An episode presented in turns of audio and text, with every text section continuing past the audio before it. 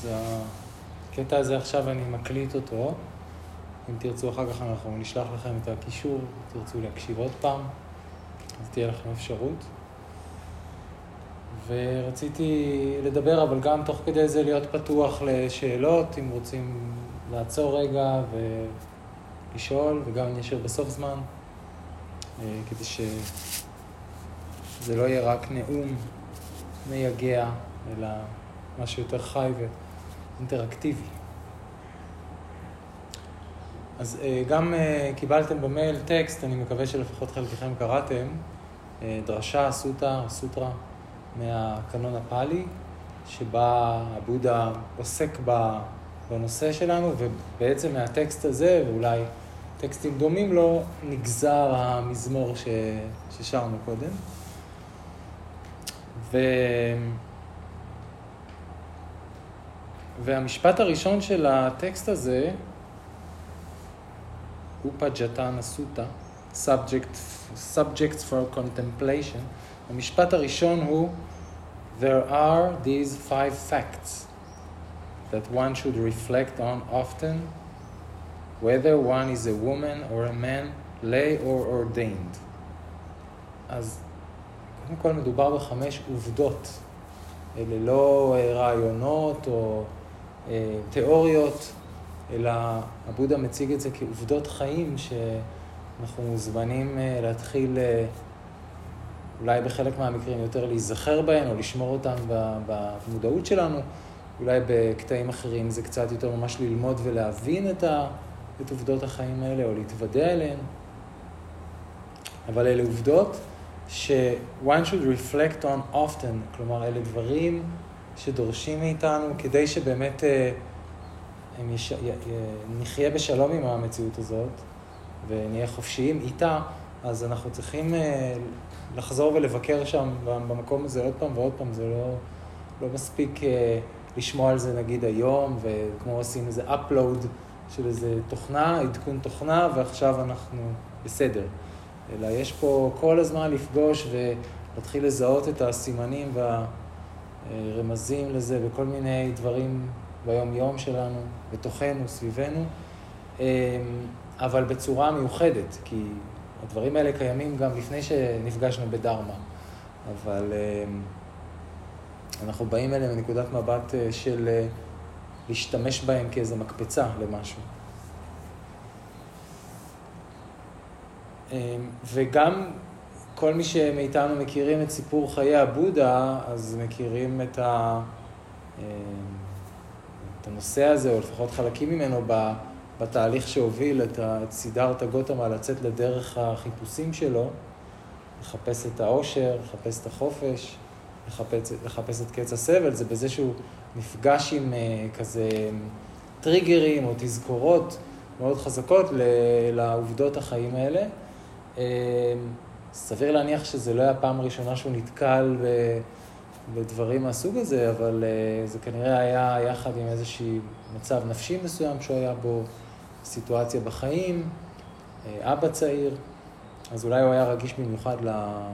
כן, כשנולדים ילדים, אז uh, הרבה פעמים מתחילות מחשבות כאלה על החיים, וכאילו, לפחות אני זוכר שנולדו לי ילדות, הרגשתי כאילו דחפו אותי צעד אחד קדימה בתור. אז, uh, אז הוא נפגש, נפגש עם, uh, עם אדם, הוא ראה אדם חולה, הוא ראה אדם זקן, הוא ראה גופה מוטלת. ושכל הקרובים אה, בוכים. אה, זאת אומרת, היה שם משהו שמעורר דווקא מבחינתו. אה, לא, לא, לא כל כך נעים, כן? זה לא התעוררות נעימה, כי לפי הסיפור לפחות זה, הוא חווה איזה סוג של טלטלה וזעזוע, אבל זה היה משהו מעורר. ואני מניח שהרבה מאיתנו הגיעו ונמצאים ה... בתוך המרחב הזה של תרגול, וחיפוש וניסיון לשחרור, הרבה פעמים בגלל חוויות וטריגרים מהסוג הזה של אה, מוות של חברים או הורים או ילדים, או מחלה שלנו או של מישהו קרוב אלינו, או החוויה הכללית של ההזדקנות, או מפגש עם אה, אנשים שמזדקנים לנו, ואובדן, אובדן של דברים יקרים. אז זה בהחלט זה בפני עצמו יכול להיות להרבה מאיתנו טריגר פשוט להתחיל להיכנס לתרגול. ו... והסיבה לכל זה היא מאוד פשוטה. זה, הבודה מדבר על זה שהסיבה לזקנה ומחלה ומוות היא, ואובדן היא לידה. כלומר, הסיבה היחידה זה לא בגלל, אנחנו לא חווים את זה בגלל שיש לנו קרמה לא טובה, או בגלל שמשהו השתבש בתוכנית. אה, זאת הייתה התוכנית, נולדנו, אז התוצאה היא שתהיה הזדקנות, מחלה, מוות, אובדן. ו... וכשאומרים, בשיר אומרים, I have not gone beyond aging, sickness, death. כלומר, מה זה אומר I have not gone beyond? זאת אומרת שאני עדיין כבול, ל, ל, אני חי ו, וכבול ומופעל ו, ומנוהל על ידי הדברים האלה כקשים, מאיימים, מפחידים, וכשאומרים התעוררות, לפי מה שהבודה מלמד, זה בעצם to go beyond. אה, זאת אומרת, ללכת מעבר לזקנה, מחלה, מוות, אובדן ואפילו קרמה, שנדבר עליה טיפה בנפרד. השאלה, מה זה to go beyond? זאת אומרת, לאן? מה זאת אומרת, אנחנו אמורים להשתחרר מהגוף, או אה, לעלות על איזה רקיע? זאת אומרת, מה זה ללכת מעבר לזקנה, מחלה ומוות?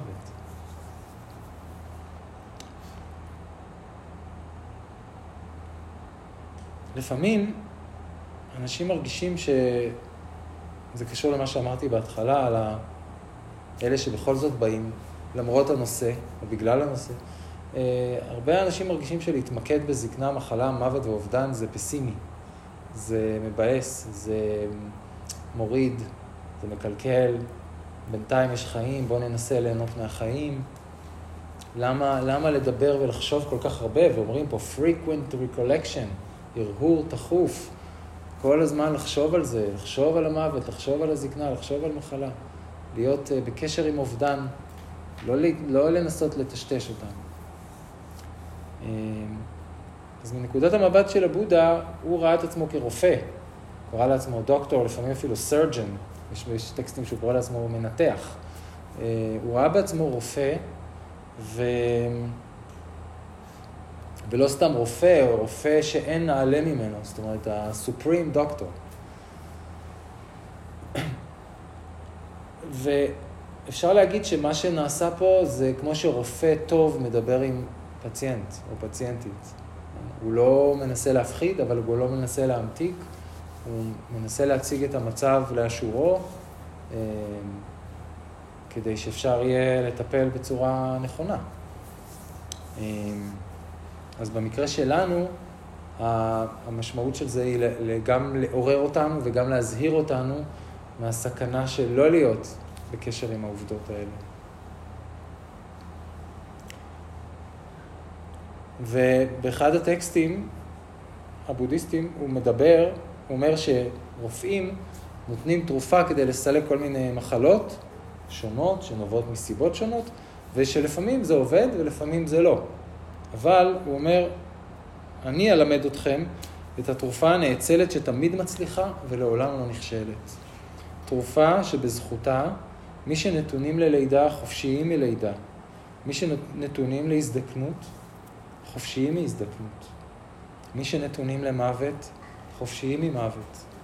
ומי שנתונים לצער, יגון, כאב, עצב וייאוש, חופשיים מצער, יגון, כאב, עצב וייאוש. זו הצהרה די אה, שאפתנית, אני חושב.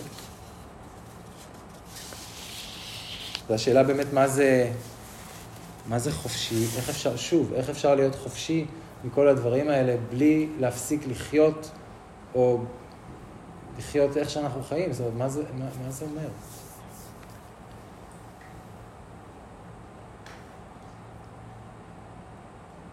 ואז הוא, אה, בטקסט שאנחנו קיבלנו, ששלחתי לכם, אז הוא אומר, קודם כל, we need to reflect, I am subject to aging, have not gone beyond aging.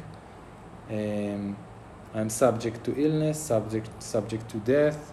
I will grow different, זאת אומרת, אני אשתנה, separated from all that is dear and appealing to me, ניפרד ממה שיקר לי, בין אם הוא בתוכי או מחוצה לי, ו-I'm the owner of my action, אני הבעלים של פעולותיי, היורש של פעולותיי, אה, נוצר מתוך פעולותיי, קשור לפעולותיי, אה, וכל מה שאני אעשה, טוב או מזיק, אה, את זה אני אהיה היורש, של זה אני אהיה היורש.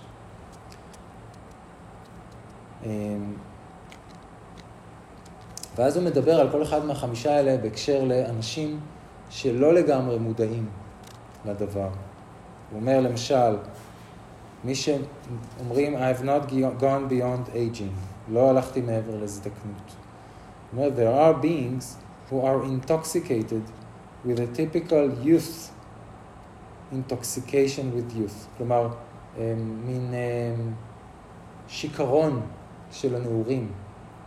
כן? קצת מסוממים, קצת אה, אפופים בקסם הזה של להיות צעיר ופרש אה, כזה. ובגלל שהם, because of that intoxication with youth, they conduct themselves in a bad way in body, in speech and in mind. כלומר, ההתמכרות הזאת, או ההיקסמות הזאת מה, מהנעורים והצעירות, היא עלולה, מעבר לזה שזה כיף להיות צעיר ובריא והכול, זה גם עלול לגרום לנו לפעמים להתנהג בצורה שהיא יכולה לא להיות טובה לעצמנו או לאחרים, כי אנחנו לא, אנחנו מתעלמים מזה שיום אחד אנחנו נהיה זקנים. סתם, זה יכול להיות קשור להרגלי האוכל שלנו, או אה, לפעמים אנשים מדברים איתם על פנסיה ולא רוצים לשמוע. כן? כל מיני דברים כאלה וגם דברים יותר, אה, יותר משמעותיים. באותה מידה יש גם intoxication with health, כלומר אנחנו באיזה סוג של אה, שיכרון של בריאות ואנחנו לא חשים שנהיה חולים אף פעם, לא נראה לנו שזה רלוונטי, שלנו זה לא יקרה, ואז לוקחים סיכונים או מזניחים כל מיני דברים שחשובים. אמ, ואותו דבר לגבי המוות. כן? intoxication with life. יש איזה סוג של um, חוסר מודעות לזה שיום אחד אני אמות. זאת אומרת, uh, זה עומד לקרות, גם לי. ו- וחיים כאילו, אנחנו אף פעם לא נמות, ויש לנו את כל הזמן שבעולם. ו- ואותו דבר לגבי uh, נושא של אובדן והשתנות. אז יש אנשים, there are beings, who feel desire and passion for things they find dear and appealing. כלומר, אנשים משתוקקים, אנחנו משתוקקים מלאי אה, כמיהה לכל מיני אובייקטים וחוויות ואנשים שהם אה, מושכים אותנו, שהם נראים לנו יפים, מענגים, והבעיה היא לא שהם הם, הם נראים לנו יפים ומושכים, זה בסדר. הבעיה שאנחנו מתייחסים לזה, אנחנו מגיבים בהשתוקקות, בהאחזות, בחמדנות, ובגלל שאנחנו ממש חייבים את הדבר הזה או את המישהו הזה, אנחנו עלולים לפעול בצורה שפוגעת. ו, ובכל ארבע התחומים האלה, כשאנחנו פועלים בצורה שפוגעת, אנחנו בעצם פועלים בניגוד להבנת הקרמה, שזה ההיזכרות החמישית. שהוא אומר, על בסיס ההבנה ש... אנחנו נושאים בתוצאות הפעולות שלנו, אז uh, יש אנשים שלא מבינים את זה ומתנהגים בצורה פוגעת, מזיקה, בדרך פעולות או מילים, או אפילו מחשבות, ו... ואז אנחנו, מי שמתנהג ככה סובל. אז אפשר להגיד שכל הטקסט הזה הוא בא לאתגר או להתקיף או להציב סימן שאלה על, על אשליות, על אשליות שאנחנו נגועים בהן, כן? אשליית הנעורים, אשליית הבריאות, אשליית החיים, כלומר התמשכות החיים, אשליית הקביעות, האמונה שאנחנו יכולים, אה, שיהיה לנו משהו יציב, שנוכל לשמור עליו, ו... והאשליה ש... אנחנו יכולים לעשות מה שבא לנו, לפי מה האינטרס הפרטי והאישי שלנו, ו... ולא יהיו לזה השלכות. במוקדם או במאוחר.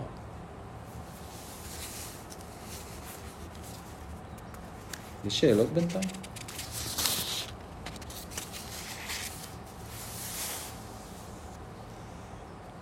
אמ, אז יש לזה כל מיני מחירים, לעיוורון הזה, או ל... לפעמים גם יש מקומות שהבודה קורא לזה vanity, אמ, יהירות כזו, שחצנות, או the vanity of youth, the vanity of health, the vanity of life. זאת אומרת, ה... אפשר לראות את זה, אני חושב, אה, לפעמים על עצמנו, לפעמים על אחרים, אה, אנשים שמסתובבים בעולם ומתנהלים בעולם, כאילו הם אף פעם לא ימותו, אף פעם לא יהיו זקנים, או לעולם לא יהיה מחיר על מה שהם עושים. מין אה, עיוורון טוטאלי לחוכמה הזאת, לאמת הזאת. אז באמת המחיר הראשון שאנחנו חיים בלי לשמור את זה במודעות שלנו, את כל האמיתות האלה, זה התנהגות שהיא יכולה לפעמים להיות בזיזה וחסרת אחריות ופוגענית. אמ, אמ, זה דבר אחד. דבר שני, זה שכאשר זקנה, אה, מחלה, מוות, אובדן, אה, תוצאות של קרמה, אה, מכים בנו, אז אנחנו הרבה פעמים, אנשים חווים הלם, הפתעה נורא גדולה, כן? איך זה קרה לי, איך זה יכול, איך זה יכול להיות שאני אה, קיבלתי דיאגנוזה כזאת, או שאני מתחיל לראות פה כל מיני כתמים וקמטים ושיבושים בגוף. זה מזעזע לפעמים, זה מלחיץ, זה מבהיל. אה,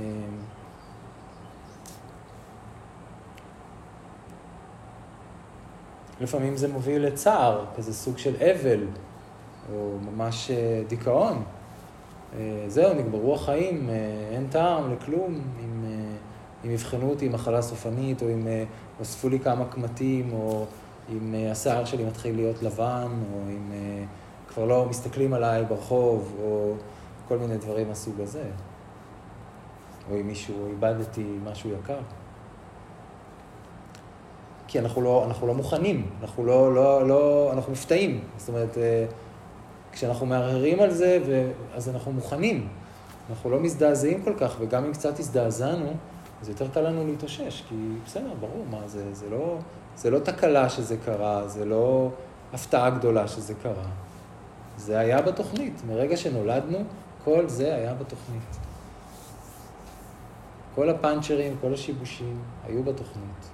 לא באופן ספציפי XYZ, אבל באופן כללי, היה צפוי. וגם הבודה מדבר על, ה, על עוד, אה, עוד תוצאה של החוסר המודעות הזאת, זה שאנחנו נרתעים מכל דבר שכן מנסה להזכיר לנו את האמיתות האלה. אה, לא בא לנו כל כך להיות ליד אנשים זקנים. הם אה, מדברים הרבה לפעמים, לפעמים הם, יש להם ריח לא טוב, לפעמים הם לא יפים. אה, לפעמים אה, מבולבלים, כן, לא, לא רוצים. לא רוצים אה, לדבר על מוות, לא רוצים להיות הרבה ליד אנשים חולים. שוב, כל אחד, כל אחד מאיתנו הוא שונה, יש כאלה שיותר קל להם עם משהו אחד, עם משהו אחר, אבל בסך הכל אנחנו נרתעים, נרתעים מלראות את הדברים האלה. אמ, בעיקר אני חושב בגלל שהם מתעקשים, החיים מתעקשים להזכיר לנו את מה שלא בא לנו לזכור. זאת הצפרדע שאנחנו לא רוצים לנשק אותה. כי אנחנו לא יודעים שנחכה נסיכה או נסיך אחר כך. אז לא בא לנו להתקרב.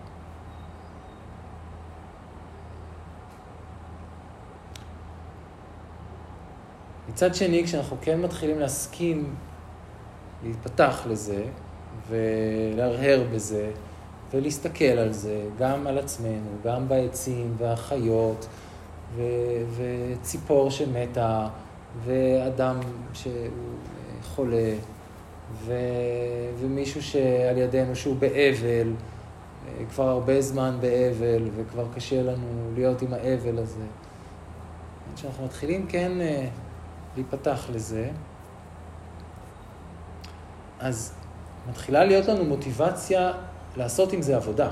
זאת אומרת, להשתמש בזה. זאת אומרת, לא רק להתבאס מזה, לא לראות רק את הצפרדע, אלא להתחיל לראות איך, איך לנשק אותה. זאת אומרת, צריך לדעת. זה... אז, אה, אז איזה סוג של עבודה אפשר לעשות? אז באמת יש גם את העניין של להרהר, פשוט לחשוב, להקדיש לזה מחשבה, להסכים לבוא עם זה במגע. וגם אה, דרך תרגול המדיטציה הבסיסי של תשומת לב, תשומת לב, תשומת לב, אנחנו מתחילים לראות את כל התהליכים האלה אה, מתרחשים בתוכנו וסביבנו בזמן אמיתי. ולאט לאט זה, אנחנו באמת באמת נרגעים לתוך, ה, לתוך הדבר הזה בצורה הדרגתית ומעודנת. אה, וזה דורש סוג של אומץ. אבל לאט לאט אנחנו מבינים, אוקיי, זה, זה אמת אוניברסלית. זה לא איזה תקלה פרטית, או, או מזל רע שלי, אה, או של מישהו על ידי, שאיך זה קרה לו, שהוא, אה, הגורל היכה בו, אה, הגוף בגד, כל הביטויים, נכון? שאומרים, הגוף בוגד.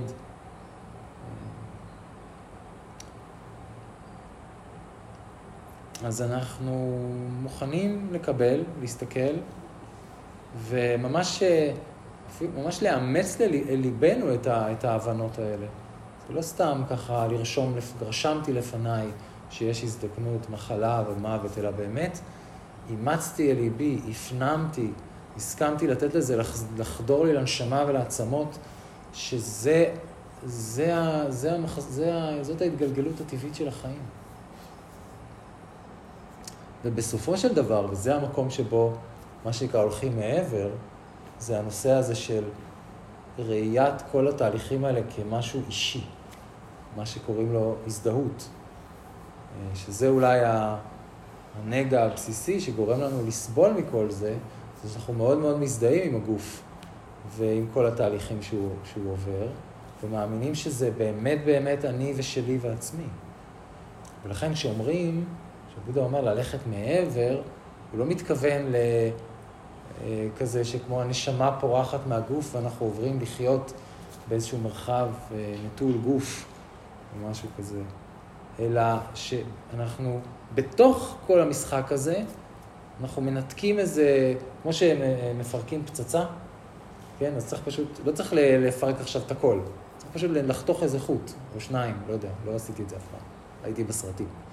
אבל צריך לדעת איפה, איפה איפה הנקודה הקריטית ולחתוך שם. ואז הכל נשאר. פצצה נשארת, אבל היא לא תתפוצץ. היא כבר לא פצצה באמת. אז אותו דבר, אנחנו מסתכלים על כל הדבר הזה שנקרא התודעה שלנו, ולאט לאט אנחנו מתחילים להתמקד במקום, בחוט שצריך לחתוך. והמקום הוא ההזדהות שלנו. זאת אומרת, האמונה האמיתית, העמוקה, שזה באמת באמת אני שלי ועצמי. להבדיל מ... אה, כן, יש איזו הסתכלות שטחית כזאת של אני שלי ועצמי שיש בה איזו תועלת מסוימת לטובת ההתנהלות של החיים ותקשורת, אבל אה, מתחת לזה בדרך כלל, כשהתודעה לא חופשייה, שוכנת אמונה עמוקה שזה באמת באמת ככה, שבאמת הדבר הזה הוא באמת אני עצמי ושלי. למרות שכל העדויות וכל ההוכחות מראים שזה לא יכול להיות, כי זה כל הזמן משתנה. אז איפה יהיה מקום שינחת עליו אני עצמי ושלי קבוע? וזה מה שהתרגול נותן לנו, נותן לנו לאט לאט להסתכל עוד פעם ועוד פעם על כל התהליכים האלה, ולאט לאט זה פשוט, אה, כאילו החוט מתמוסס מעצמו, לא צריך לבוא עם מספריים ולחתוך אותו. ופתאום הכל בסדר.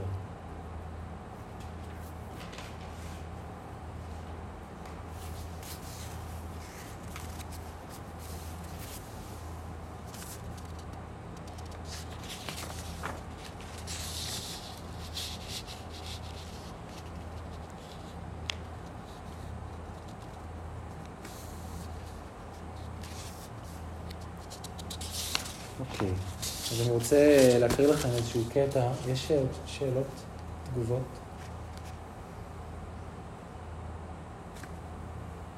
טוב, אני רוצה להקריא לכם קטע מאוד יפה של... מורה מאוד ידוע שקוראים לו קיטיסארו, מישהו מכיר את קיטיסארו?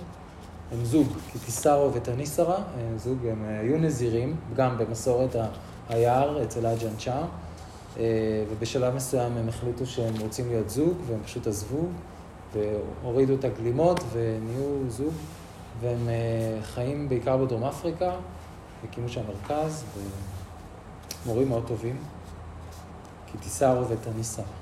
מאוד מעורבים היום בכל הנושא הזה של שינויי אקלים וכזה להניע תהליכים, לא רק זה, אבל זה משהו שמאוד פעילים בו. אז קיטיסארו מספר על חוויה שהייתה לו מימי הנזירות שלו. אחת הצרות הגדולות של חיי הנזירות שלי הייתה כמעט מוות מטיפוס המעיים בתאילנד, שהובילו לשנים של חולי. אגב, הוא לא כתוב פה, אבל הוא היה מתאגרף. לפני שהוא הלך להיות נזיר, הוא היה מתאגרף, הוא היה בן אדם בכושר מאוד, בכוח פיזי מאוד גדול. אז השתניתי לחלוטין. הגוף שלי היה מאוד אתלטי, והייתה לי הרבה אנרגיה וכוח רצון חיובי, אבל עקב מחלתי איבדתי משקל רב ואת כל האנרגיה שלי, וביליתי שלוש שנים במיטה, בתור נזיר, שלוש שנים במיטה, וגם אחר כך במשך שנים נאבקתי עם אנרגיה נמוכה ותשישות. זה, אני קיצרתי קצת, זה לא הטקסט המלא. המשכתי לחשוב, אני מודד, אני מתרגל, אני אמור להיות מסוגל לרפא את עצמי, אבל לא יכולתי. עד לנקודה זו של המחלה הייתי מסוגל להשיג כל דבר שרציתי באמצעות כוח רצון, לימוד והתמדה. הוא לא היה מתאגרף, הוא היה מתאבק, נדמה לי, היאבקות. אמ, תחושת העצמי שלי, הדימוי העצמי, הייתה קשורה באופן אינטימי עם ההצלחה שלי, אבל אז ביליתי שנים במאבק עם כאב כרוני, חולשה שלא ניתן לעמוד בה ואי סדרים בעיכול. הבודה אמר שמחלה, זקנה ומוות הם שליחים שמימיים, הם מעירים אותנו, והם בהחלט נהפכו למאוד מציאותיים עבורי. כך שראיתי רופאים, מרפאים, והתנסיתי באינסוף טיפולים, אבל לא יכולתי להתגבר על המחלה. לא הייתי מסוגל להשתתף ברוטינות הרגילות של חיי המנזר, והרגשתי כישלון. יום אחד ראש המנזר שלי, אג'אן סומדו, הגיע אליי למיטה ואמר, קיטיסארו, אני רוצה להתנצל בפניך. כל הזמן הזה רציתי שתחלים, וזוכרי כמה חזק היית, אבל הבנתי שאני מכביד עליך. ואז הוא אמר, קיטיסארו, אני נותן לך רשות למות. חשתי הקלה כה רבה, הוא היה מורה שלו, זה, יש לזה עוצמה מאוד גדולה. חשתי הקלה כה רבה לשמוע את ההצהרה שלו, שבכיתי מרוב אושר. הרגשתי שניתנה לי רשות לקבלה עמוקה של מצבי. לפני כן הייתה לי כל הזמן התנגדות למחלה, שזה שגוי ושזה כישלון אישי. גם כשזה היה מתוך כוונה טובה, הלחץ של החברים, המשפחה, המרפאים, וגם של עצמי להבריא, הפך למעמסה. אחרי שהג'אן סומדו אמר את, את, אמר את זה ושחרר אותי, אף על פי שעדיין לקחתי את התרופות שלי וראיתי רופאים, קיבלתי יותר את המציאות של מצבי. הפסקתי להאמין שאני חייב להחלים. התחלתי לקבל באופן עמוק את מצבי. כששכבתי על מיטתי, ביליתי שעות עם התחושות של גופי. החזקתי את הגוף במודעות, הייתי בתשומת לב עם הנשימה, בדיוק במקום שבו היה הכאב. פשוט נשארתי שם, עם סבלנות ועדינות רבה. מחלתי לימדה אותי איך למות. במילים אחרות, איך להיכנע למה שאינני יכול לשנות. אני צריך לעשות שלום עם הכאב ועם המצבים המבלבלים של הגוף והתודעה שפגשתי. היכולות שלי לסבלנות, היכולת שלי לסבלנות הועמקה, וברגעים שלא ריחמתי על עצמי, או שקיוויתי שחיי יהיו אחרים, גיליתי עומק, שאף פעם לא יכול לחלות, שאף פעם לא ימות, מה שנקרא deathless, העל מוות. בעצם הוא מדבר על התעוררות, על חוויית ההתעוררות שהייתה לו בתוך המחלה. המחלה שלי שאינה מוותרת, שמסרבת לציית, לפקוד, לציית לפקודות שלי, לקחה אותי למקום שבו איבדתי כל מה שחשבתי שאני, ואז מצאתי את מה שנשאר. מצאתי את מה שאף אחד לא יכול לקחת. על אף שהתהליך ההתבוננות הזה הוא אימון שנבנה בהדרגה, טוב לזכור שהשחרור הוא כל הזמן כאן ועכשיו, ממש בכל רגע נתון, בכל מצב שהוא. הטבע הבסיסי של הכל, הכולל של התודעה הוא חופש. ממש כמו שהמראה לא מושפעת מאינסוף ההשתקפויות ש... שהיו בפניה, נשארת נקייה. המצב האינהרנטי של התודעה הוא נטול פגמים. הטבע המולד שלה זורח וקורן מבעדה. ממש בתוך המצב הכי מוגבל ובתנאים מאוד קשים, יש גרעין טהור של מודעות, awareness. הבודה קורא לחופש הפנימי הזה הבהירות המקורית או הקרינה של הלב, והחופש הזה הוא המצב הטבעי שלנו.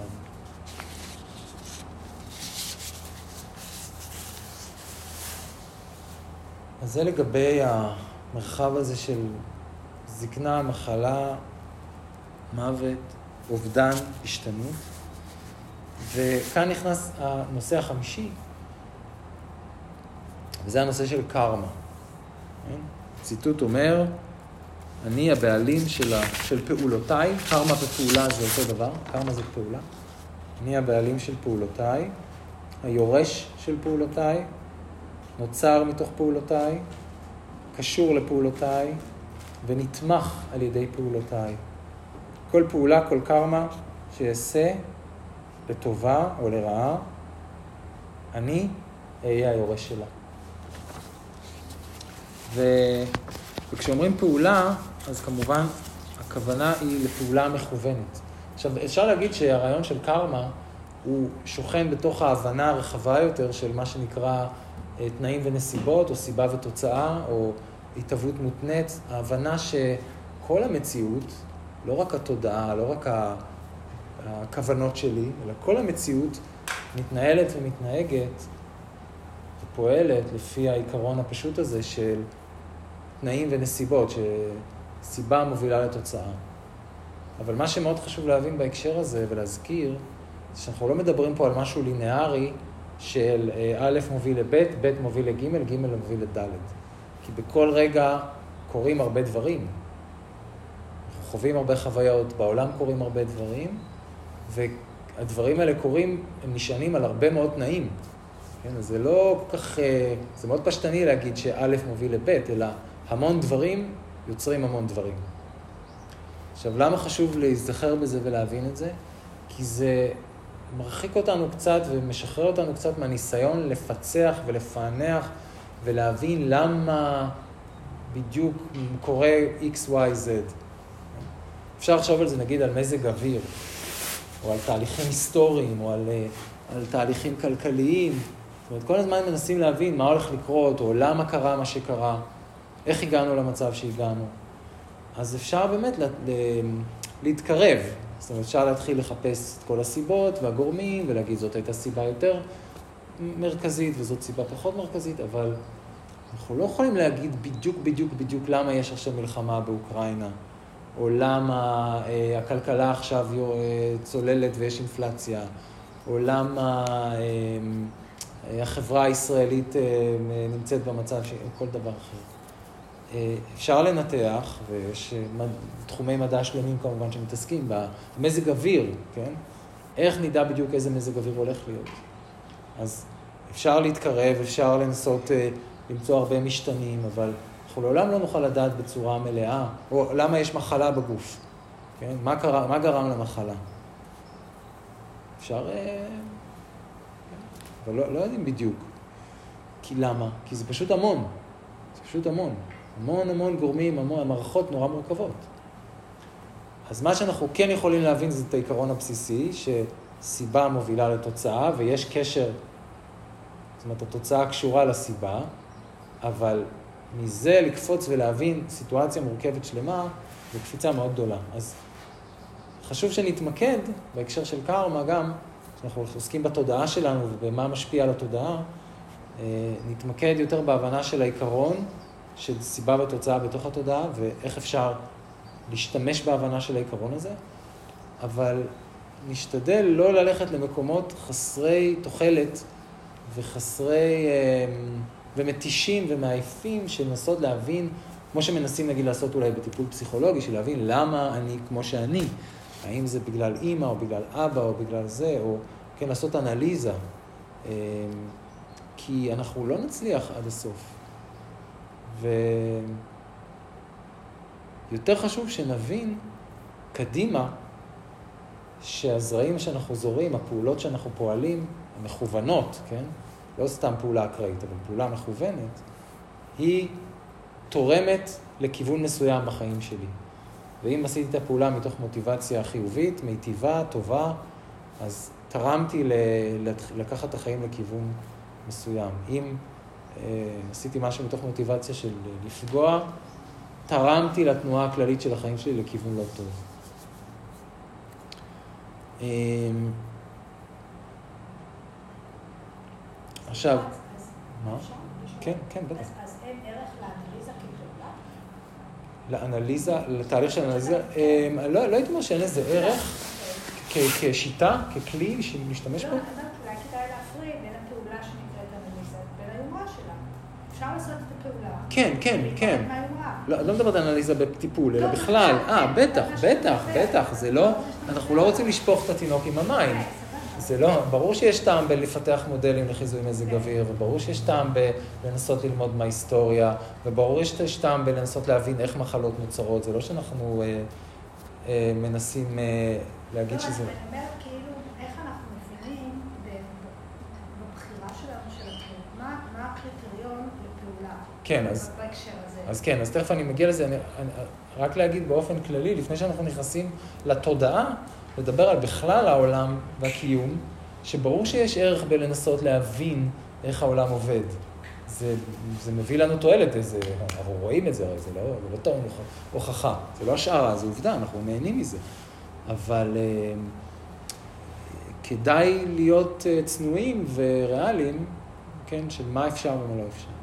וגם בהקשר של התודעה, יש פה משהו באמת, כי יש, כשמדברים על קרמה, יש את הראייה הפשטנית, נגיד, שבאה יותר מהמסורת ההודית, של אה, תיתן כסף, יהיה לך כסף, אה, אה, אתה חולה, זה בגלל שפגעת, פצעת אנשים, או שבגלגול הקודם היית משהו כזה. זה מאוד מאוד פשטני, וזה אולי עוזר לנסות, זה קצת כמו אמונה באלוהים, זאת אומרת, זה לנסות למצוא איזה משהו שיעזור לי להבין את החיים, וכן, נולדתי לקסטה מסוימת, אז אני צריך להיות בה וכל... אבל אה, כשמבינים את זה יותר לעומק ומנקודת המבט הבודהיסטית, כן, ה- שמסתכלת על קרמה בצורה, בצורה יותר מורכבת, אז אנחנו מצד אחד מבינים שיש תוצאה לפעולות המכוונות שלנו, בין אם הם נשארו רק כמחשבה, או הפכו להיות לדיבור או פעולה, אבל מבינים שיחד עם זאת, מה שיקרה לנו ואיך שנחווה את המציאות שלנו, הוא מושפע מעוד המון גורמים אחרים מעבר לפעולות המכוונות שלנו. ולכן זה מצד אחד, אנחנו לא בשליטה, וגם אם נהיה הילדים הכי טובים בעולם, ונעשה את הכל כמו by the book, ונהיה טובים, ממש נהיה טובים, נסבול אולי, כן? יכול להיות שיקרו לנו כל מיני דברים לא נעימים. אה, ויכול להיות שיהיו לנו גם חוויות פנימיות לא נעימות. כי אנחנו לא יכולים לשלוט, אבל אנחנו כן יכולים להשפיע.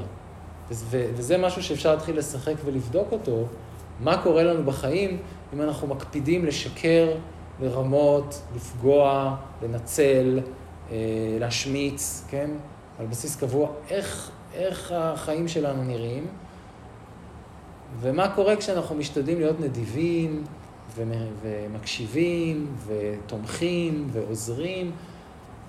מה קורה לחיים שלנו? זה אותו דבר? ממש לא. ממש ממש לא. אה, אבל לחשוב שאם אנחנו נהיה טובים, אז אה, לא יקרה לנו שום דבר מכאיב או מאכזב, זאת אשליה. כי נולדנו. כן, יש אנשים שאומרים שלהיות חולה זה קרמה לא טובה. או לסבול בהזדקנות זה קרמה לא טובה, אבל אנחנו לא, אנחנו לא, לא בהכרח חולים או זקנים כי עשינו משהו רע, אלא פשוט כי נולדנו.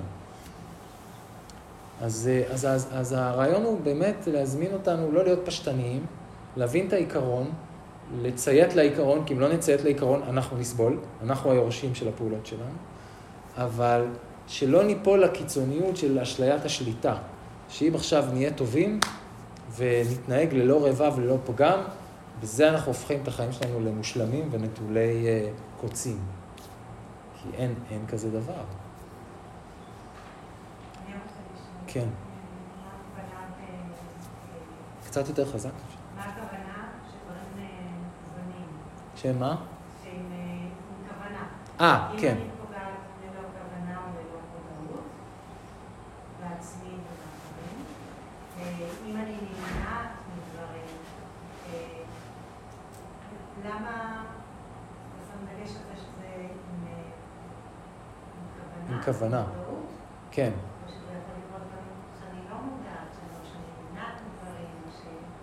מה זה נמנעת מדברים? אה. אה,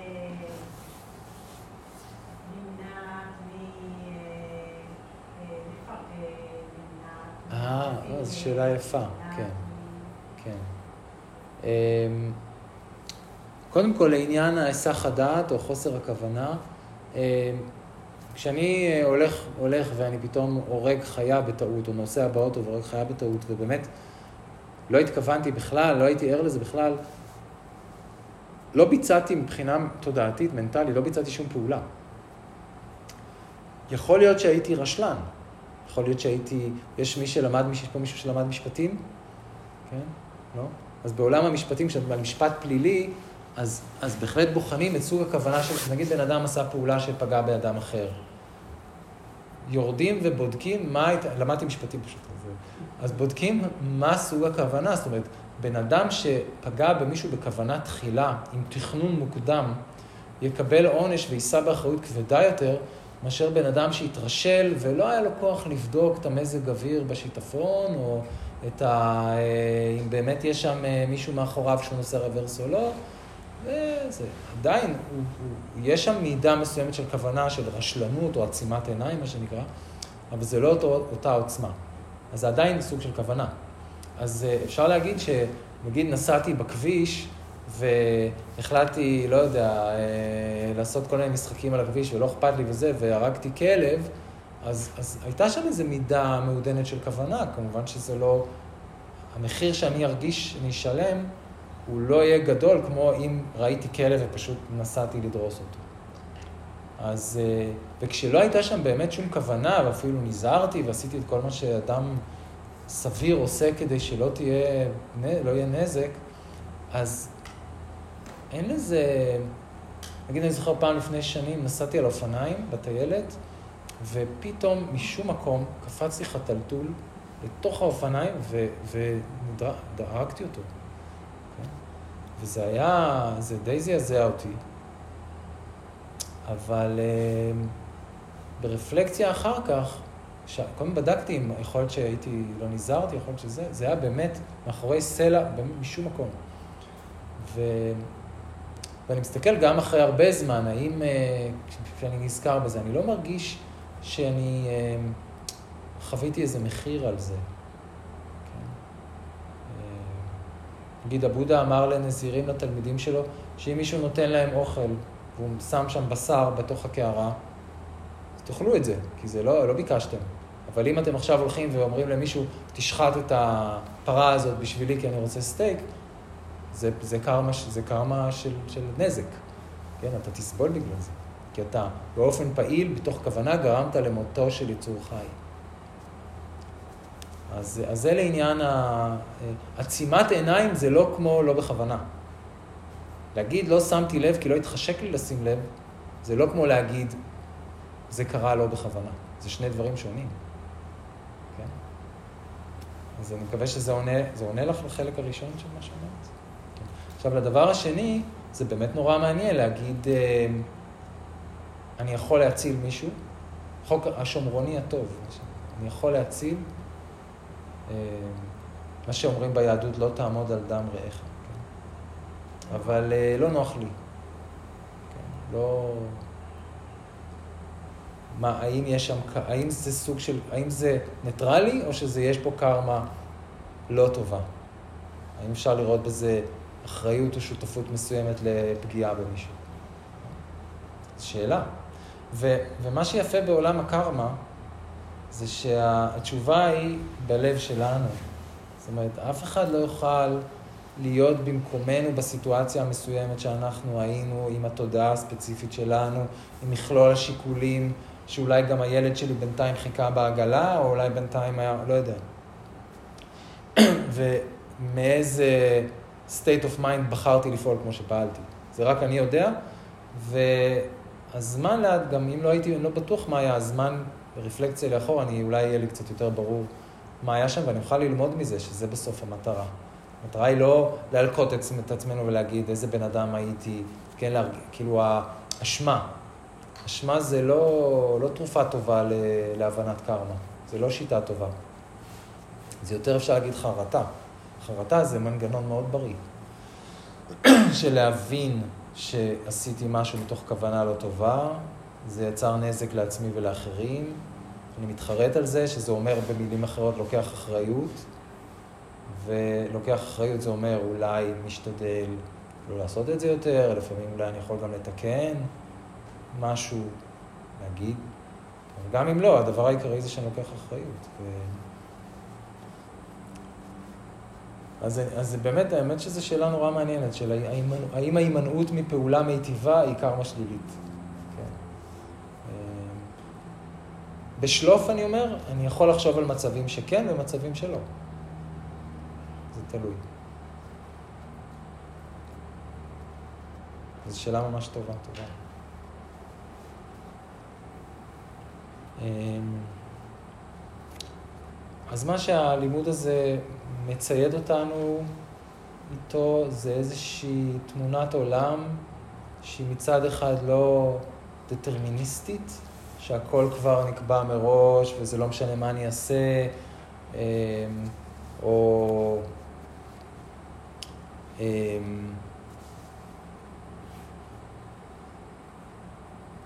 כן, או, או, וגם לא משהו כזה של אה, אין חוקים, כן? של הכל זה בלאגן, הכל זה איש הישר בעיניו יעשה, אין, אה, אין תוצאות למעשים, כן? שכל אחד יעשה מה שטוב לו, מי שרוצה לרצוח שירצח, מי שרוצה... כן? זה גם כן קיצוני. אה, ויש משהו באמצע של אה, הנהר זורם, החיים זורמים, החיים שלי זורמים, הנהר התודעה זורם, אבל יש מקומות שבהם הזרם קצת יותר חלש ואני יכול להתערב ולעשות כל מיני פעולות אחרת, להשתנות. והתרגול מאוד עוזר אה, להתחזק ולהיות מסוגל, לבלום במקומות שצריך לבלום, להיות אמיץ ולפעול במקומות שצריך לפעול. כי נגיד, אם למשל אני נמצא בסיטואציה שיש בי כוונה לעזור, להציל, אבל גם משהו בי, אני חושש. אני חושש להתבלט, שפתאום כולם יסתכלו עליי ואולי בעצם עשיתי משהו לא נכון, אולי לא קראתי את הסיטואציה כמו שצריך, אה, אולי זה מסוכן, אולי אני עלול להיפגע, כן, אז יש היסוס. אז uh, אני חושב שככל שאנחנו מתרגלים יותר, יש לנו בהירות יותר גדולה והחלטיות יותר גדולה וספונטניות ללכת על זה. לתת, לעזור, ל- ל- לשמור, מה שלא יהיה, uh, ועם פחות חשבונות. כי יש לי, אני מקבל יותר ביטחון בכוח של הקרמה. וזה זה ה, זה ההגה שמנווט אותי, ופחות ה, ה, כל הבלבול בתודעה של פחדים. ו... אגו והשוואות, וכן, אולי אה, לא מגיע לו שאני אעזור לו, אולי אה, לא יישאר לי, כל מיני כאלה דברים שמונעים מאיתנו לעשות מעשים טובים.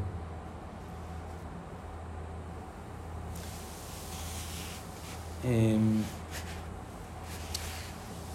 ואפשר להגיד שמה שבעצם אה, קרמה יושבת עליו זה כוחו של ההרגל.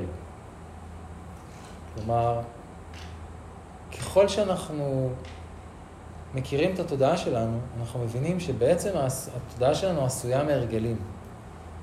פעם שאלו איזשהו מורה בודהיסטי, אה, אם אין אני, אז מי נולד מחדש? יש תמיד את השאלה הזאת של אה, מצד אחד אין אני, מצד שני יש לידה מחדש, אז מי נולד מחדש? אז הוא אמר, מה שנולד מחדש זה כל ההרגלים, בעיקר ההרגלים הרעים. אז אה, אפשר להגיד שקרמה היא בעצם תהליך של בניית הרגלים ושינוי הרגלים. כי נגיד,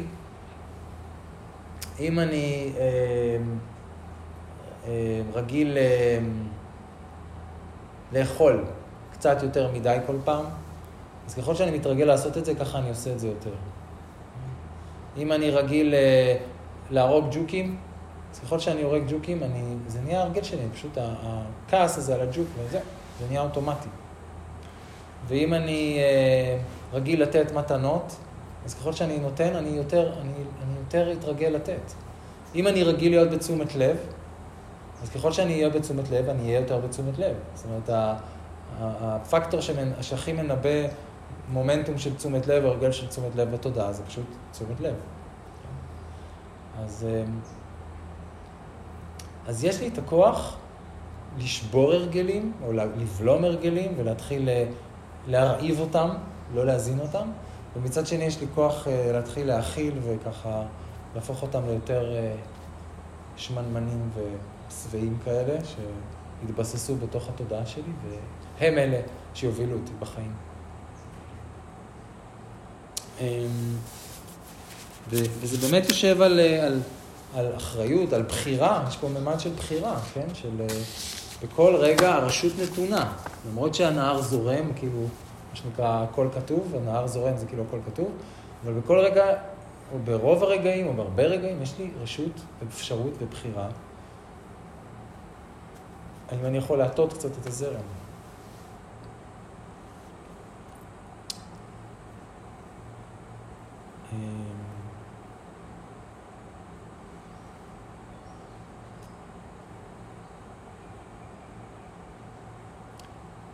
זה שאלות כתובות.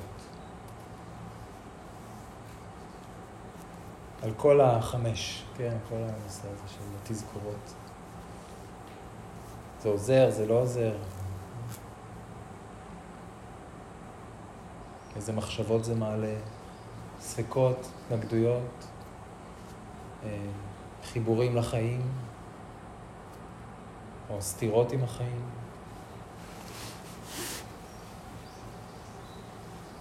אני רוצה להגיד שאני אה, מהרהרת על לדעת, זאת אומרת, לשמוע את חמש התזכורות, לדעת אותן, לא במודעות, אלא כן, בסדר, כולם מתים. לבין להסכים. Mm.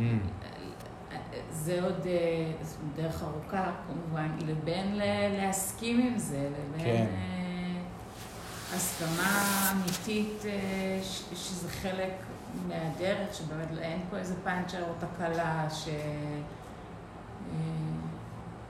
אז, אז זה עוד איזשהו... פער כזה. כן, שאני אומרת לעצמי, אוקיי, התרגול, זאת אומרת, התרגול יביא את זה, כן. אבל לא ברור לי... עדיין אה, מה בתרגול כן. Mm. אני חושב קודם כל זה המפגש בין התרגול לחיים, המפגש המתמיד הזה, שאנחנו, במובן הזה, יש ברכה גדולה בזה שאנחנו חיים חיים רגילים, כן, וחיים את כל הדברים האלה בצורה שוטפת, ו, וזה מזין את התרגול שלנו. אמ, יש, יש מודל כזה מאוד ידוע בבודהיזם של שלושת רמות הלימוד, שלושת רמות ההבנה. אה, הרמה הראשונה של הבנה זה נקרא סוטה מאיה פניה, זאת אומרת, פניה זה חוכמה, אז סוטה זה לשמוע, או לקרוא טקסטים, סוטה זה לשמוע. אה, אז בעצם אה, סוטה מאיה פניה זה חוכמה שנובעת משמיעה, מהקשבה, מקריאה, מ, כן, מלקרוא את הדברים האלה, או מלשמוע אנשים מדברים על זה. אז זה טוב בתור התחלה. הרמה העמוקה יותר של הבנה היא נקראת אה, צ'ינטה מאיה פניה, זאת אומרת חוכמה שנובעת מתוך רפלקציה, רפלקשן, מתוך הרהור, מתוך אה, בחינה, מתוך אה, ניתוח, כן, של באמת לשבת ולחשוב על זה, ולחשוב על ההזדקנות והמחלה והמוות, ושבאמת זה קרה ככה, וזה קורה ככה, ו... ו... ועל קרמה, ואיך זה באמת עובד, ואיפה יש לי רמזים בחיים, לראות שזה אכן נכון או לא נכון. אמ, להרהר ולהפוך בזה. זה חלק מאוד מאוד חשוב בלימוד. אמ, להעביר את, ה, את, ה, את הטקסטים ואת הלימוד דרך, דרך המכונה הפנימית שלי, דרך הבחינה והבדיקה שלי. בבודהיזם הטיבטי יש מי שמכיר את המסורת הזאת של בר פלוגתא, ממש כמו ביהדות, של להתווכח על זה, ממש עם, עם צעקות וככה מחיאות כפיים, ואדם אומר ככה ואומר ככה וככה משייפים את זה אחד מול השני כדי להגיע ל, להבנה של הדבר ברמה האינטלקטואלית, וזה חלק גם מאוד מאוד חשוב. ואז באמת יש את השלב הבא, העמוק ביותר, שנקרא בהבנה מאיה פניה. פניה חוכמה, בהבנה זה המילה שהבודה השתמש בה כשהוא אמר מדיטציה. מה שאנחנו אומרים היום מדיטציה, הוא אמר בהבנה. בהבנה זה אה, פיתוח, טיפוח, אה, באנגלית אומרים development או cultivation, to cultivate, כמו לטפח גינה, צמח. אנחנו, דרך תרגול ההתבוננות, התובנות האלה הופכות להיות אנחנו. כלומר, זה מופנם בצורה חווייתית, בצורה ישירה, בראייה ישירה, וזה הדבר שאת מדברת עליו, זאת אומרת, איך, איך קורה המעבר מהרפלקציה וההרהור והבאמת אה, להגיד, כן, הנה זה קורה לכולם, זה קורה לי, זה יקרה לי, זה קרה לי, לבין להפנים את זה ברמה שהתוצאה של זה שאני ארגיש נוח. זאת אומרת, שזה כבר לא יהיה לי מאיים, שזה כבר לא יהיה לי מכאיב, שזה כבר לא יהיה לי אה, חרדה, אה, אז יהיה באמת... אה, נוכל לקבל את זה. עכשיו, זה, והשאלה באמת איך התרגול עושה את זה, כן? איך התרגול עושה את זה. אמ, ומה שהתרגול עושה, שוב, אני יכול להגיד מה, מהתהליך שאני עובר, שיש דברים שהם קורים בלי שאני מבין איך הם קורים, זאת אומרת, שמעתי, שמעתי, שמעתי, חשבתי, חשבתי, חשבתי, ישבתי, ישבתי, ישבתי, ופתאום המשהו הזה ששמעתי ושמעתי וחשבתי וחשבתי, פתאום הוא כאילו בא לי מחדש ממקום פנימי בצורה, בצורה אורגינלית כזאת. זאת אומרת, זה בא ממני. זה כבר לא, אני לא כאילו מרגיש שאני מדקלם משהו שמישהו אחר אמר לי, אה, אלא יש כזה מין רגעי אהה, שהם באים בצורה מאוד אישית ומאוד מקורית, אפשר להגיד, ו... ושזהו, ושזה ברור. לפעמים זה בא באמת מתוך זה שיותר מדי פעמים כבר חשבתי על זה וראיתי את זה והתבוננתי. לפעמים זה בא מזה שאני, התודעה מזהה כל מיני הם, השתקפויות של זה בתוכי. זאת אומרת, אני מתחיל פתאום לראות את ההזדקנות של הגוף שלי, ואת ההשתנות, ואיך מצב תודעה מסוים שנורא אהבתי אותו פתאום הלך ונעלם ממני, שזה התזכורת הרביעית. ואני שוכב במיטה חולה כמו אה, קיטיסרו ומתבונן בכאב, ופתאום יש איזה, משום מקום פתאום בהבנה שזה, וואלה, זה, זה כואב, כי, כי זה החיים, כן? ו, ובעניין הזה התפקיד של שני השלבים הקודמים, של לשמוע ושל להרהר על זה, הוא שהם מכינים את הקרקע. והם אפשר להגיד אה, קטליזטורים שגורמים לתהליך הזה להיות הרבה יותר מהיר. כי כשאנחנו שומעים ומקשיבים ומהרהרים, זה כמו לשים שמן, כן? אחר כך קל אה, לפתוח את הבורג, או משהו כזה. אה, זה, זה מאוד מאוד עוזר לתרגול. כל עוד אנחנו שומרים על מינונים מתאימים של הרבה תרגול ופחות קריאה ומחשבה, כי בסוף העניין זה לתרגל הרבה. אה, אבל נגיד, מה שאנחנו עושים פה היום, מדברים על זה, מתעסקים בזה, מפה, משם, שרים את זה, כן? זה, זה מכניס את זה לסיסטם, זה מתחיל לבעבע וזה מתחיל להתכתב עם המדיטציה. ולאט לאט זה מקליק בכל מיני צורות, ו... ופתאום יש כזה, מרגישים דרגות חופש, מרגישים שהם נרגעים עם זה. אז זה שילוב, אנחנו עובדים, מנסים לשלב. ובהחלט, אה, חלק מזה זה להסכים לפגוש את הדברים האלה בעולם, זאת אומרת, ללכת לזה, לא לברוח מזה. אם יש בן אדם אה, חולה שצריך את העזרה שלנו, לקפוץ על זה. הנה לי הזדמנות גם לעשות קרמה טובה, וגם uh, לעזור למישהו, וגם uh, להיות בתוך מרחב של uh, לימוד, של תזכורת, ושל מפגש עם כל מה שקשה לי. כי ברגע שאני פוגש אדם חולה, מיד צפים ועולים כל הדברים שבגללם אני לא רוצה לזכור את זה. הפחד, העצב וזה, ואז יש לי הזדמנות להתבונן בזה ולהרפות מזה.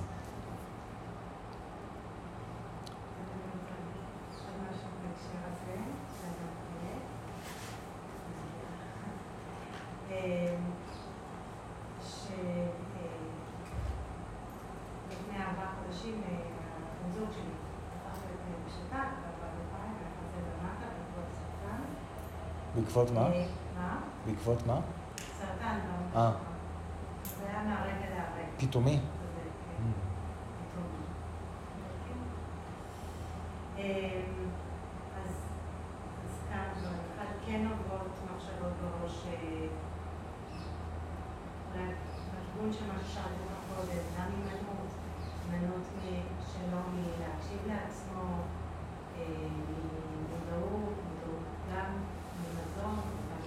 את מדברת על האם זה קשור למחלה? זאת אומרת, למה קרתה המחלה? וזה הכוונה? אוקיי, כן, כן. רק להבין. כן.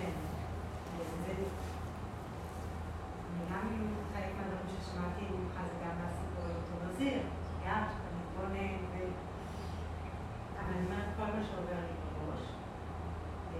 זאת אומרת, אולי אם היו נעשים דברים בצורה שונה, זה לא היה קורה? זה המחשבה? המחשבה? לא, גם ה... ה- ה- גם. אוקיי, כן. כן. חשוב לזהות, חשוב לזהות את המחשבה. כן. אה. מה? היה שם לב יותר. כן. להתחתות, לדברים. וגם מה שאתה אומר ומעורר לי איזושהי התנגדות, אה, זה הזה שאם מישהו קשה לו אז לקפוץ לזה, אה, אז אני שמתי לב בחודשים שעברו שאני גם חייבת מאוד להיות קשובה לעצמי. ברור, אה, ברור. כי כשאני קופצת לשם עם כל ה... אז אני לא עוזרת לו יותר, אני אני נעלמת יותר. לפני שקופצים צריך לבדוק שיש מים, כן? זה ברור, זה צריך להיות בשכל. אה,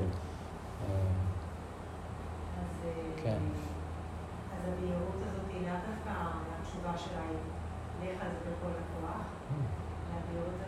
הקשבה. ו- כן. גם המטפל והמרפא צריך את התחזוקה ואת ה... כן, והאמת את כבר נוגעת בזה, כל הסטטוס הזה של להיות המטפל, אבל ללא תווית מקצועית, ה-caregiver שאף אחד לא מינה אותו, זה מקום מאוד מאוד קשה. וכזה לאורך השנים יצא לי להתקל בזה.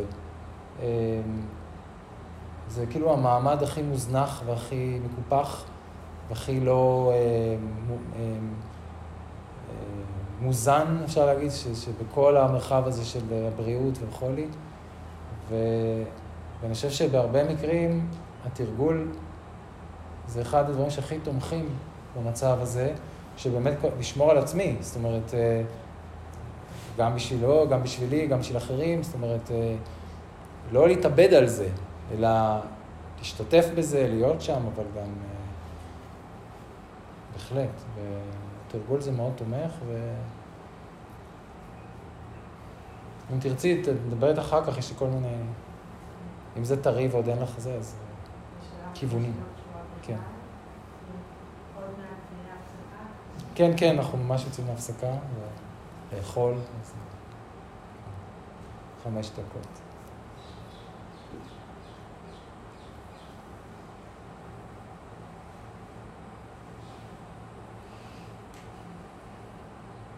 אז רק אולי גם להגיד, באמת, זו דוגמה באמת קלאסית של אה, למה, למה נהייתי חולה.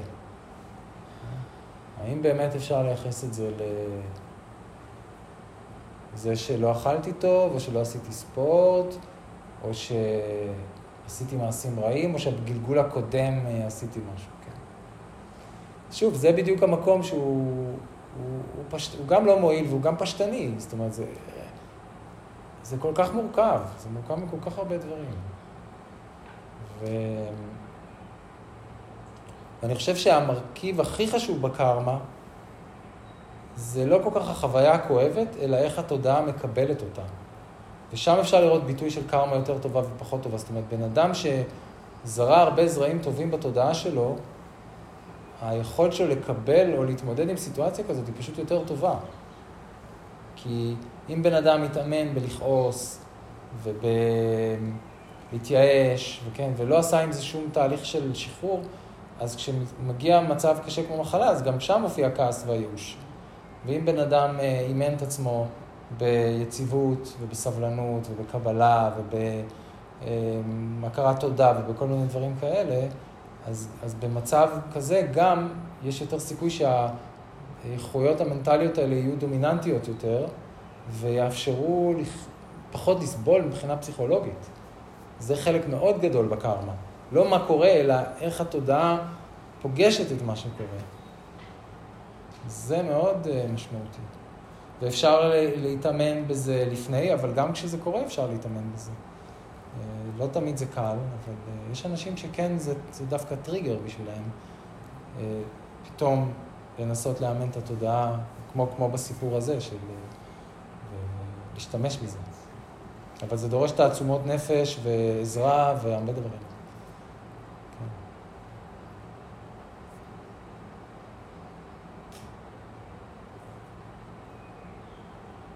מי עוד?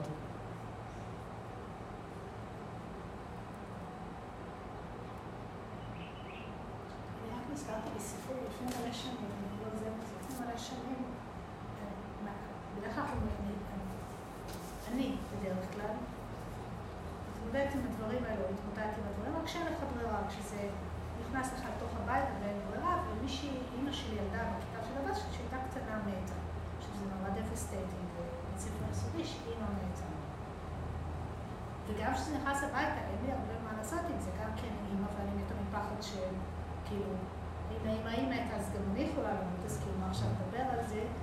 ואז כאילו באמת ילדה נשארת עם הפחד הזה של אימא מתה, ואז לא אף שמעתי על זה, וואו, תשמעי, גם אימהות מתות.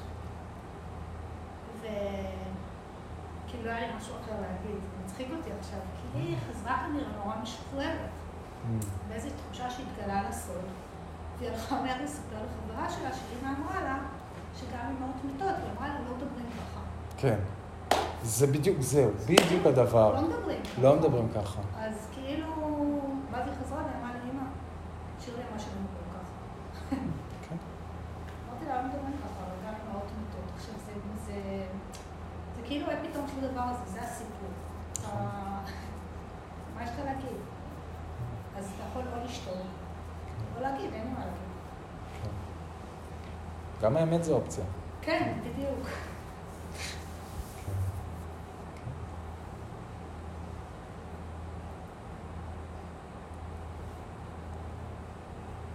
כן, לא רוצים, זה, זה, זה, ה, זה העניין, שצריך להיזכר במשהו שלא רוצים לזכור אותו, לא רוצים לחשוב עליו. המילה מוות, רק להגיד את המילה מוות, בהרבה סיטואציות, בהרבה מעגלים, זה עושה, זה לא עושה טוב. לא מגיבים לזה טוב. בתרבות שלנו. כן, כן. לא עושה טוב. לפעמים בסיטואציות שלא יודע, מדברים על מוות, ואני זוכר לפני כמה זמן, שאמרתי שאני דווקא נורא מתעניין במוות.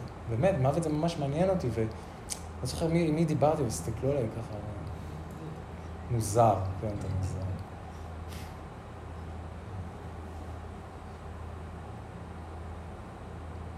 אז, אה, אז יש פה גם באמת עניין אולי שגם אם אנחנו זוכרים ונזכרנו והתעוררנו, אה, לא כולם איתנו באותו קצב או באותו...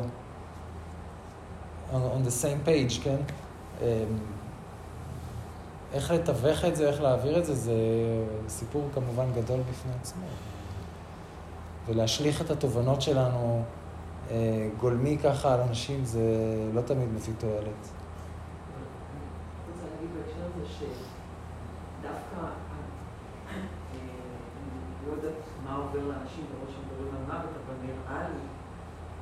שהמוות עצמו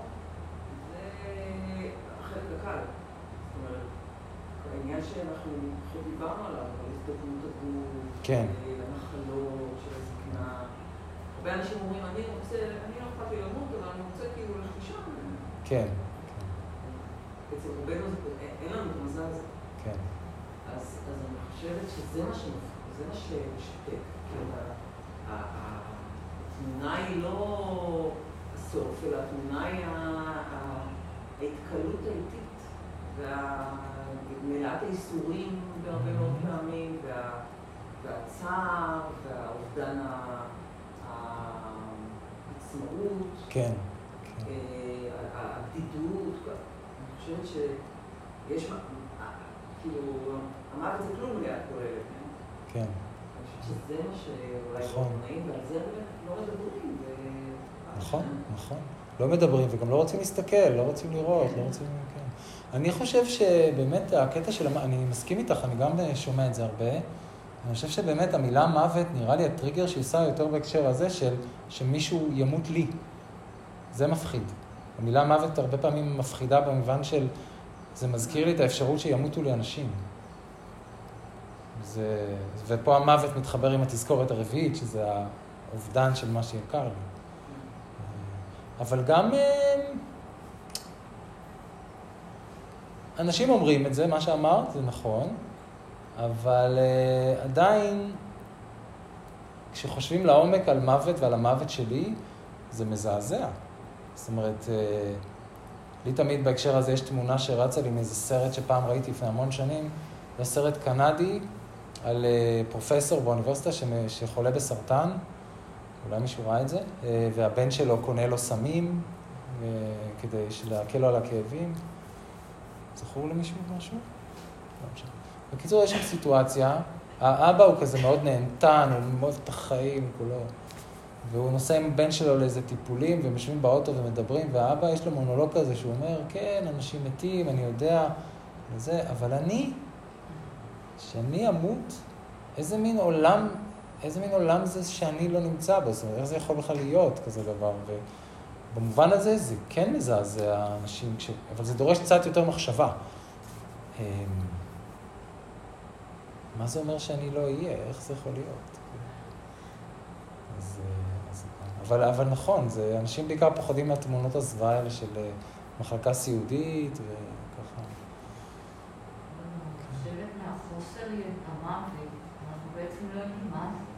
כן. אנחנו רק מספרים לנו, יש אור, יש, אתה שומע כל מיני דברים.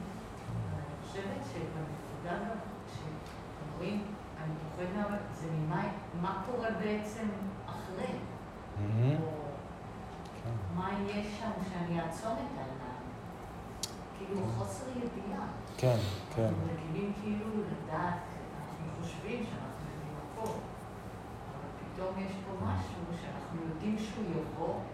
כן. אבל... כן, the great unknown. אז, אז את יודעת, זה נראה לי בדיוק מתחבר לעניין של התרגול, כי אם יש משהו בליבת התרגול שאנחנו מתאמנים אליו, זה, לא, זה להרגיש נוח בלא לדעת. ואז באמת, אה, יש כאלה שמרגישים שכל התרגול שהם עושים בחיים, כי החיים שלהם בסך הכל סבבה, וההבנה שהם מתרגלים רק בשביל המוות, בשביל רגע המוות. זאת אומרת, אה, זה, זה הדבר הגדול. ו, ולהתאמן בלא לדעת, זה אומר להרגיש בנוח גם מול זה. שאני לא יודע... מה הולך לקרות, וזה, ואני בסדר עם זה. זה, זה הפרס ש, שהמדיטציה נותנת לדעתי. שאני ממש סבבה עם זה שאני לא יודע מה יקרה ברגע הבא ומה יקרה ברגע הבא, ואז מזה גם נובע שאני גם כשאני ימות אני לא יודע מה יקרה וזה בסדר. זה מאוד עוזר, אני חושב, ממה שאני ראיתי אצל אנשים, ש... איך הם הלכו אל המוות. כן, זה בא רק מהתרגול. מי שלא יצא לו, יש סרט שעכשיו היה בדוקאביב, אה, שנקרא למקרה שאת עדיין בסביבה. למקרה שאת עדיין בסביבה. זה סרט, ש... סרט דוקומנטרי על אה, מישהי שהייתה חברה שלי, שקראו לה יעל, אה, שהיה לה בעל ובת, והיא מתה מסרטן, והייתה מתרגלת מאוד מאוד רצינית. והסרט מלווה אותה לאורך שנות המחלה ולקראת המוות, וגם אחרי, אה, כולל במסיבת הסיום שהיא עשתה לנו, מסיבת פרידה. ו... וזה באמת מדהים לראות בן אדם, ש... איך, איך, איך בן אדם הולך לקראת הוודאות הזאת, הוודאית, והוודאות הלא ודאית הזאת, ב... ביחסית בשלווה ושמחה מאוד גדולה, ואפילו יכולת uh, לתת לאחרים אז, אה, אז זה אפשרי כשמצב התודעה הוא באמת כזה שאומר, אין לי מושג מה הולך להיות, אין לי אפילו מושג מי אני, כן? זה, זה ה... האמת שביחס לזה, האי הידיעה של המוות היא כלום. זאת אומרת, מי אני? זה, הידיע, זה ה-great, greatest unknown. ואם לומדים להרגיש נוח בזה, ככל שהם מתחילים להיפתח לזה יותר ויותר, אז מה זה מוות, כן? זה כבר... אה, זה נהיה יותר מעניין, זה נהיה יותר מסקרן. נגיד, אני זוכר פעם שמעתי את הדלאי למה, ששאלו אותו על המוות, והוא אמר, actually I'm excited, I'm, I'm, I'm looking forward, כזה, זה, מה, מה הולך להיות הפרק הבא? אם יש לו, אולי הוא כבר לא צריך. טוב, אז uh, אנחנו נצא עכשיו להפסקה של כשעה, של ארוחת צהריים, ושוטטות קצת בטבע הנהדר. אפשר לשכב על הגב, לערער בהשתנות ובתזכורות אל מול העצים והציפורים והשמיים, להקשיב לנשימה קצת ולנוח, וניפגש פה באחת ועשרים. עשרים, עשרים וחמש כזה. אני אצלצל, תהיו קשובים לפעמון. אה, איך אנחנו מארגנים את ה... כן? אה, אולי אני יכול להגיד רגע ש... כן, אז רגע, בואו רגע, בואו שנייה. יש במטבח אה, צלחות וסכו"ם וכוסות וכולי, אפשר להוציא את זה או לפה, לנופר. אולי נפרוס על השולחנות בחוץ. כן, אפשר לפרוס על השולחנות בחוץ. כתוב בעיניכם. כן. ולהוציא את האוכל החוצה. אם צריך לחמם משהו, אז יש שם מיקרו? לא, יש מיקרו ויש טוסטר אובן. כן, מי שרוצה לחמם מה שהבאתם, אז... אני חושב שגם התנור שם עובד עם מישהו. אוקיי. שאפתן במיוחד.